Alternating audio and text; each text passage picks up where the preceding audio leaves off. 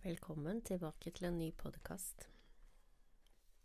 I dag skal jeg snakke om noe som jeg kjenner Jeg kan faktisk kjenne på selv at jeg ikke alltid er like åpen om det.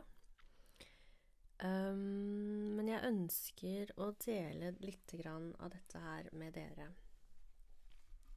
Uh, jeg tror på mange måter at det handler om nettopp det med kontroll. Jeg er litt usikker, men jeg tror kanskje det handler om kontroll. Det er godt for oss å vite at når vi dør, så er det over. Jeg tror derimot ikke at det er over. Jeg har lyst til å lese en tekst for dere som jeg også har i boka mi, som heter Nær døden. Og så skal jeg si litt mer om det etterpå. Nær døden. Når jeg var liten, så jeg ting andre ikke la, la seg merke ved. Jeg forsto tidlig at dette ikke skulle snakkes om. Etter at jeg selv hadde en nær døden-opplevelse, ble alt forsterket. Jeg var elleve år den gangen. Først etter å ha levd med en som trodde på hele meg i over 20 år, så kunne jeg gradvis åpne opp for tillit til meg selv og min, min billedlige gave. Ja, for det er en gave, og enormt mange søker støtte og bekreftelse på ting de opplever uforklarlig i livene sine. Disse møtene er utrolig sterke. Vi jobber dypt, og vi skaper endring på det sjelelige plan. Disse hjemmebesøkene setter spor. Døden kom ikke som en overraskelse inn i livet mitt, og underveis i prosessen opplevde vi begge to hendelser som ikke tilhører her og nå i fysisk form. Bildene underveis og når døden kom, de er mine. Men jeg vil dele noe med dere som er av mine egne erfaringer. Jeg har en lampe i stua som slår seg av og på klokka elleve hver eneste kveld. Papirer som jeg har trengt i denne prosessen jeg har vært, de kan ha funnet veien til bordet i løpet av natta. Telefonen min fikk hans ringetone som når jeg ringte til han. En betydningsfull sang som aldri har vært på min spilleliste, men på hans, finner stadig veien til Spotify og tar plass når jeg spiller musikk. En liten hilsen i snøen en tidlig morgen, røyklukt i TV-stua Dette er bare noe av det som har skjedd, og det skremmer meg ikke. Andre vil kanskje kjenne at de blir skremt, men jeg vet at den energien som er rundt meg, den vil forsvinne når tiden er inne. Og for 15 år siden så ville mange snudd seg unna, og nå opplever jeg at både leger, psykologer, prester og andre åpent snakker om livet etter døden. Og fordi jeg tør, så har jeg hatt de mest filosoferende samtaler der ute, om nettopp det vi verken kan bevise eller motbevise. Men har du opplevd det, så trenger du ikke andres bevis.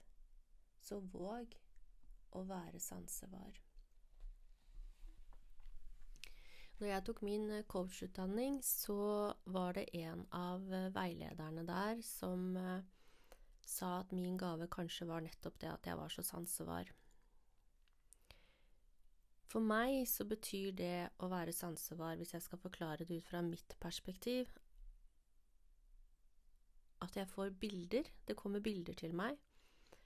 Um, så i en samtale så kan jeg få en forståelse av ting som du kanskje ikke forteller meg, fordi um, jeg får en fornemmelse, jeg får et bilde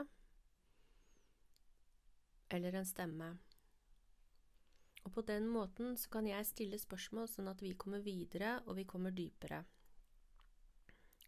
Uh, så folk som har kommet til meg, opplever ofte at de skaper en raskere endring. Og jeg tror ikke dette her er noe magisk eller noe rart eller noe spesielt ved meg. Det jeg derimot tror, er at jeg tør å lytte til det, jeg tør å tro på det som kommer til meg, og jeg tør å la det være en veileder i eget liv. Som jeg også sier i denne teksten, så var det at døden kom ikke som en overraskelse på meg. Den gjorde ikke det.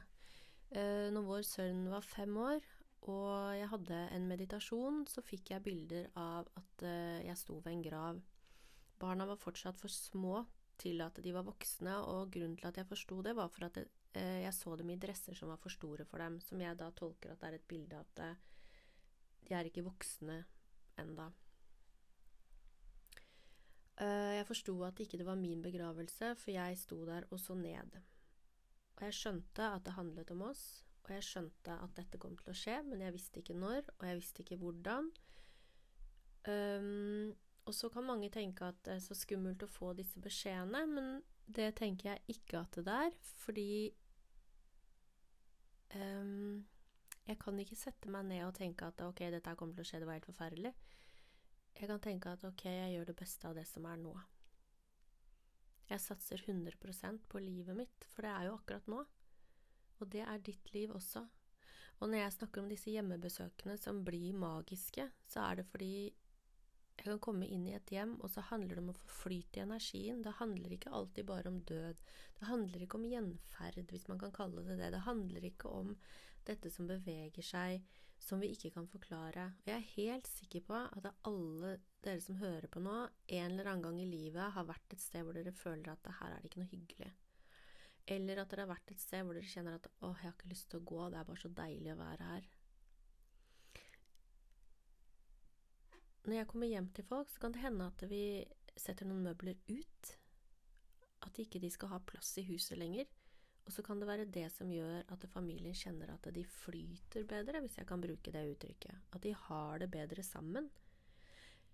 Og så høres det sikkert veldig rart ut, og da handler det om å bare stole på at dette er verdt å prøve. Og så kan det være at um, for eksempel um, Vi kan flytte litt på noen møbler. Det kan hende at vi bare rydder en hylle det kan være at vi setter opp en blomst der hvor det ikke er noe blomst. Det kan hende at vi tilfører litt farge i et stoff eller en pute. Eller um, at vi tar bort noe. Vi setter en seng andre veien for å skape bedre søvn. Det er noe med disse energiene. Og jeg kan ikke forklare det, men når jeg kommer inn i et hjem, så kjenner jeg veldig fort hva er det vi kan snu på her, hva er det vi kan endre på, så det flyter bedre. Kanskje har jeg den intuisjonen litt sterkere enn andre. Men jeg er helt sikker på at vi alle har det i en eller annen form, men at vi har løpt litt fra det i livet vårt. Hvis vi tenker når vi er barn, så hvis vi gråter masse, så er det jo lett å si til barn nei, nå har det gått over. Nå trenger du ikke å gråte lenger. Nå kan vi gå videre. For å vise over en annen aktivitet. Vi skal jo for all del ikke ha hangups i følelsene våre. Jeg tror derimot på at vi kan få lov til å gjøre oss ferdige sånn å, og vise at ok, jeg aksepterer deg, sitt her til du er ferdig med å gråte, jeg er her. Får du anerkjennelse for følelsene dine, og for det mennesket du er. På veien et eller annet sted i det livet vi lever, så tror jeg på at vi beveger oss bort fra det helt nære i oss selv. Nettopp fordi samfunnet går så fort. Jeg tenker ikke at det er noen enkeltpersoner har ansvaret for det. Jeg tror det er hele, hele verden som bare ruller altfor fort. Uh, vi skal prestere, vi skal skape. Og jeg tror at hvis vi ikke er i kontakt med det indre i oss selv, så er det også vanskelig å skape. Mm. Um, det som skjedde når han ble syk, eller før han ble syk, var at um, jeg fortalte han at 'nå tror jeg du er syk'. Det er noe i energien her. Og han lette febrilsk etter å forstå det. Um, uh, stilte meg mange, mange spørsmål og ville at jeg skulle svare. Og jeg turte ikke å være helt ærlig med bildene mine. Jeg ville ikke ta fra han håpet. Um, men når vi kom til legen, og jeg stilte spørsmål, så svarer legen med at uh, jeg har ikke noen blodprøvesvar som gir meg indikasjon for det du sier, Nina. Og så ble jeg litt desperat. Så sa jeg vi må lete mer, vi må ta noen andre prøver, for den prøven her er det et lite avvik på, så vær så snill å gå videre på den. Det er ikke stort nok avvik. Vær så snill, få en CT. Vær så snill, få en MR. Men det er ikke noe som tilsier det. Det er lange køer, osv. Um, til slutt ringte jeg 113. Jeg var så desperat, for jeg visste, jeg, visste, jeg så bildene. Jeg så, jeg så hvor ting var. Uh, og så møter jeg en dame på 113, så sier hun Vær så snill og ikke slutt å be om hjelp. Jeg tror på deg, sa hun. Uh, det endte med at jeg ringte legen og så sa jeg du er overmodig hvis du overser dette og ikke går og tar en CT, eller bestiller en CT til Jan, at han ikke får det veldig snart. Så ble det sånn. Um, og det jeg får som tilbakespørsmål, det er har du spådd i kaffegrut? Og så tenker jeg jeg blir litt lei meg for at vi ikke kan ta disse bevegelsene, det som beveger seg mellom oss som mennesker, på alvor. Hvis vi står over et annet menneske, ser det dypt inn i øynene over tid, kanskje ett minutt eller noe sånt nå, så vil det skje noe i det samspillet. Kjærlighet, forelskelse, det er følelser, det er energi. Hat, motstand, følelser, energi. Vi kan bygge opp noe negativt veldig stort hvis vi legger mye eh, energi i det. Og vi er jo skapt av atomer. Atomer er energi, så jeg forstår ikke hvorfor vi ikke kan på en måte bare akseptere at det er mulig å fange opp ting. Men jeg tror Jeg vet ikke, dette ble en veldig undrende samtale med meg sjøl, men jeg, Jeg tror egentlig at i den verden vi lever, så er det så stort behov for å finne svar, helt konkret. Vi trenger å vite, og det handler litt om kontroll. Hvis jeg vet dette, da kan jeg kontrollere det. Men vi kan jo ikke kontrollere alt her i verden. Og noen ganger må vi bare akseptere, noen ganger må vi bare gi slipp. Um, jeg har hatt ekstremt mange bilder for livet mitt, og alle har på en måte lagt seg som et puslespill. Og det ligger mange bilder foran meg også, og jeg, jeg vet jo ikke om det blir sånn som det puslespillet ligger, men de bildene som har vært før meg, de har lagt brikkene til nå. Så da velger jeg jo å stole på at det som ligger foran der, også er noe som kommer. Og ha tillit til at det som kommer, på en måte er eh, sånn det skal være. Og så vet jeg jo også etter hvert, ut fra alt som har skjedd, det er at når vi mennesker må, så finner vi kraften. Men som jeg sa i den forrige podkasten, så handler det om å ikke gi fra den kraften til andre, men å stole på at uh, i deg selv så ligger uh, det en styrke som vi kanskje i hverdagslivet ikke kjenner så nøye på så er det jo sånn at i samspill med andre så gir vi og tar vi roller, både bevisst og ubevisst. Og veldig mye av de tingene jeg må gjøre i dag fordi han plutselig ikke er en del av mitt liv lenger, det har jeg aldri gjort før. Og jeg tenker at det, hvis du hadde spurt meg for to år siden, så hadde jeg ikke trodd at jeg ville klare veldig mye av det jeg gjør nå. Men det gjør vi jo. Og hvis livet virkelig har lært meg noe, så er det at vi kan når vi må, og når vi slipper kampen. Når vi ikke står i kamp, så har vi mer å gi. Og vi har også mer tilgang til ressursene som er inni oss selv. I motstand så lugger det veldig mye mer. Og når vi flytter energien over til andre, om at eh, vi ønsker endring hos de andre, så er det fint å snu det og kjenne etter ok, hvor er det dette her skaper motstand i meg? Hva er det i meg som gjør at dette samspillet her nå blir så vanskelig? Og må jeg faktisk stå i det? Kan jeg velge å gå en annen vei? Så er det noen ganger det å velge å gå en annen vei kan være veldig vanskelig, fordi det mønsteret vi går i, det er kjent, og selv om det kanskje ikke alltid kjennes så godt, så er det trygt. Det er mer utrygt og mer skummelt å tråkke ut i ting som på en måte vi ikke er så godt kjent med. Mm.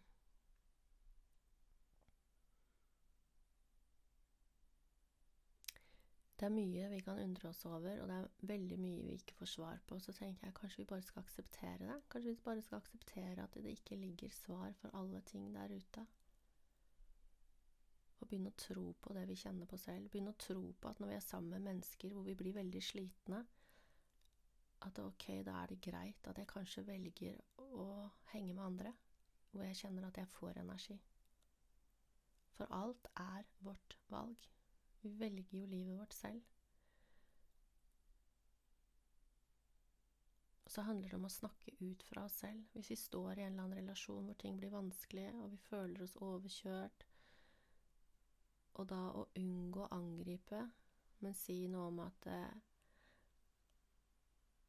jeg opplever at jeg blir lei meg akkurat nå.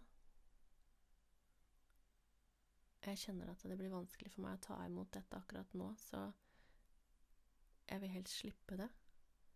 Da har vi ikke sagt noe om den andre, vi har bare satt noen grenser i eget liv.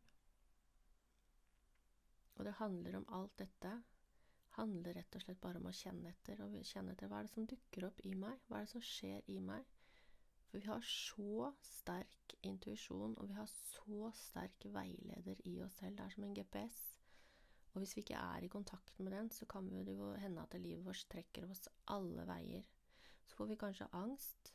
Angst er jo et symptom på at noe annet ligger og murrer og på en måte er ubehagelig, noe som ikke har fått nok oppmerksomhet, noe som er oversett, noe vi ikke ønsker å se eller høre i oss selv. Veldig mye av de følelsene vi får, eh, er symptomer på noe vi ikke ønsker å se. Mm. I dag så har jeg lyst til å avslutte med å lese en tekst istedenfor å gå inn i en meditasjon, eller å gi deg et verktøy. Fordi eh, podkasten min har jeg fått veldig mange spørsmål om hvorfor jeg har et bilde med kors. Eh, fordi vi mennesker tenker jo ofte et kors som noe ubehagelig, noe negativt. Uh, dette korset gir meg noe helt annet. Uh, det har jeg skrevet en tekst om, og det har jeg lyst til å avslutte med. Et bilde med kors. Jeg får mange spørsmål om bildet jeg har valgt å bruke på podkastsiden min, så jeg velger å fortelle historien bak. Bildet er tatt noen år før død ble en realitet. Vi var ute på kjøretur, sånn så utrolig mange ganger før. Jeg var superpassasjer. Altså med det fåret at jeg kun satt på, nøt livet og turen. Han var en mann med utrolig mange ideer og et gir høyere enn mitt, så vi gikk tidlig inn i et mønster der jeg deltok og han hadde regien. Sånn var det også denne dagen. Vi kjørte noen veier vi aldri hadde vært på før, forbi åker og eng, stoppet og fotograferte litt, for så å kjøre videre. Vi stoppet et sted hvor jeg trodde vi hadde kommet til en gård, og undret meg over om det var noen vi kjente her. Men nei, vi hadde kommet til en kirkeruin. Jeg er ekstremt sansevar, jeg plukker opp energier, både gode og dårlige, og jeg kjenner raskt om det er steder jeg ikke ønsker å bli på. Dette derimot, dette, som flere kommenterer med ulike fortegn, er for meg å bade i en energi så sterk at den trakk meg ned og gjorde røttene mine tykkere, seigere og lengre. Jeg kunne ligget der i dagevis. Det var noe godt, noe trygt, noe det er umulig å sette ord på mens jeg lå der. Ja, for det var umulig å ikke legge seg ned. Så følte jeg meg så utrolig fri, fri i sjelen, fri i livet. Og har du noen gang merket at du er et sted du ønsker å bli eller forlate? Hva er det du kjenner? Hva er det som utløser hva du føler? Kall det, hva, kall det hva du vil, atmosfære, energi eller noe annet, men vi er fortsatt bygget opp av atomer, bevegelige. De møter atomer i lufta, og til slutt, uansett hvordan vi ser det, så er alt energi. Og dette bildet gir meg kun god energi, og jeg kan fortsatt kjenne friheten det ga meg, og følelsen av å være i ett med absolutt alt. Min største anbefaling til deg i dag, skru på sanseapparatet ditt, føl og vær til stede i alle livets fasetter, det gjør deg ikke til noe annet enn et nær, en nærværende i eget liv, ditt liv. Tusen takk for at du hørte på i dag.